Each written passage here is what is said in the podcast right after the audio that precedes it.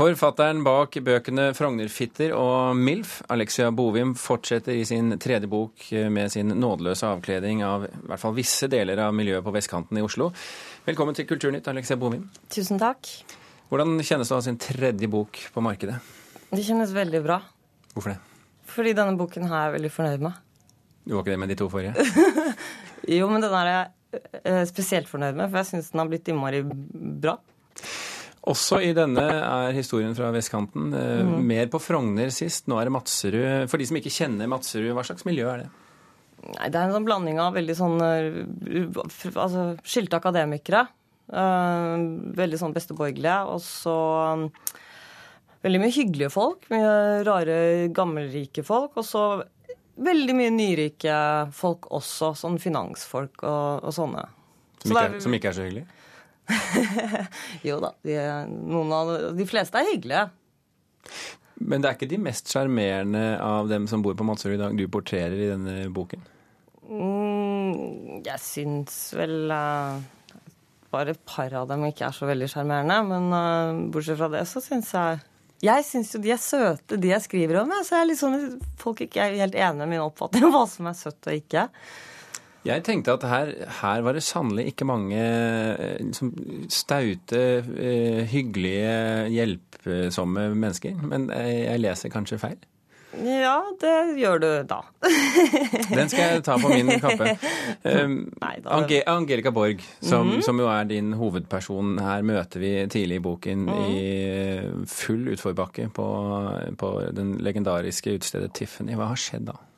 Nei, da har hun rett og slett uh, vært gjennom et brudd. Og så har hun uh, møtt en mann som har fått en helt uh, kokeliko når det gjelder sex og alt mulig, og droger og det som er. Hun har fått sånn tilbakefall. For hun har vært ganske ellevill før hun giftet seg, da. Altså, når vi møter henne, så skal hun rett og slett vinne prinsen tilbake. Og hvem det er, de mennene vi møter i boken er, det, det sier jeg ikke. Men det er det hun skal i begynnelsen. Og så får vi tilbakeblikk.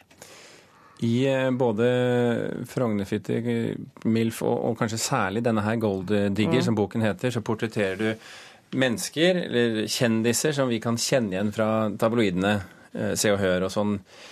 Hva gjør det med fortellingen å ha ekte mennesker med? Altså, nå er jo ikke ekte mennesker, for det er blanding. Og det er jo morsomste i Frognerfytter, så hadde jeg en avskyelig investor med, uh, som jeg virkelig har funnet på, for de er innmari lett. Altså, som jeg sier, norske kjendiser og kjente mennesker er et av de minst mystiske, kjedeligste mennesker jeg vet om. Så jeg kan, og når de driver og tvitrer og holder på, de er så lette å gjøre noe med, og du kan ta og blande dem, og særlig hvis de ikke stiller opp i Se og Hør, og så stiller de opp der og der. Så det er veldig lett gjennomskuelig veldig mange av de personene. Og hvis du har fantasi uh, og er forfatter, så er jo det jobben din. Å kunne leve deg inn i andre mennesker og lage fiksjon ut av det som er veldig riktig. Så det er kanskje det, der jeg er flinkere enn veldig mange andre forfattere. At jeg er jævlig god på, unnskyld, veldig god på å ta uh, personer. Men uh, så er noen veldig gode på dramaturgi og plott og sånn, men så er de veldig stigmatiserte politimenn og sånne ting. Og, og junkier som er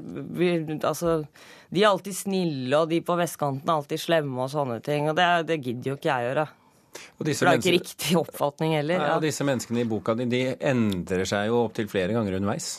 Ja, men det er aldri altså, sånn urealistisk fra, fra en persons uh, Det er det jeg er veldig opptatt av. For eksempel så er det en skuespiller som er med i boken, som, uh, som gjør noe sånn ganske ekkelt. Og det, det, er sånn Det ville ikke vært utypisk for hvis du har fulgt den karakteren hele veien, at vedkommende gjør noe sånn, men utad så virker han jo veldig hyggelig og, og, snill og sånne ting. Men altså hvis man er observant, og du trenger ikke noe, noe sånn outing og, og, kjennskap til noe. Altså jeg, hvis noen sier at de har en god story, og sånn, så sier jeg at den beholder du sjæl. Jeg ser ting, eller så finner jeg på ting. Og så får alle tilbud om gjennomlesing. Eh, hvis de føler at eh, Eller jeg føler at de kan kjenne seg igjen. Eh, så får de tilbud om det. Det slår meg at menneskene i denne boken din først og fremst er ensomme mennesker. Er, er det det som er problemet deres? Mm. Syns du det? Ja.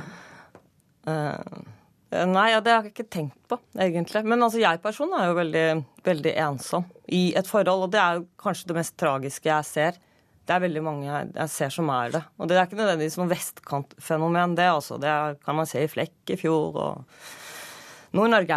Så overalt. det er overalt, ja. Det er en del sex i, i, i boken her. Mm. Eh, og det er til dels eksplisitt, får man mm. si eh, pent. Takk. Som forfatter, du bremser ikke i svingene akkurat?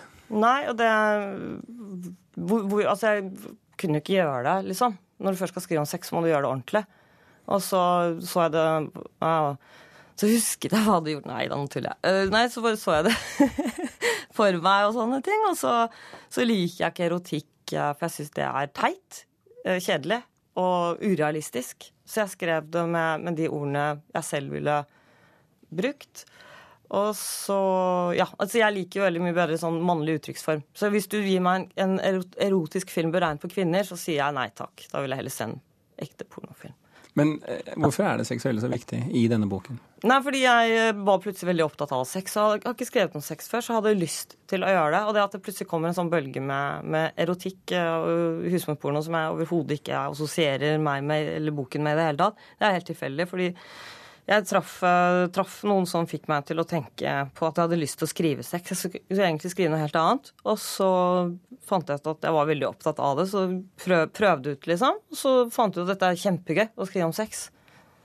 Fordi hvor, hvor, hvor går kanten på hva som er corny og påtatt? Det var det som var interessant. For jeg ville aldri skrevet noe som ikke kan skje. Angelica Borg ville skrive krim. Hva skal du skrive i din fjerde bok? krim. Skal det? Jeg gjør som Angelica Borg, jeg.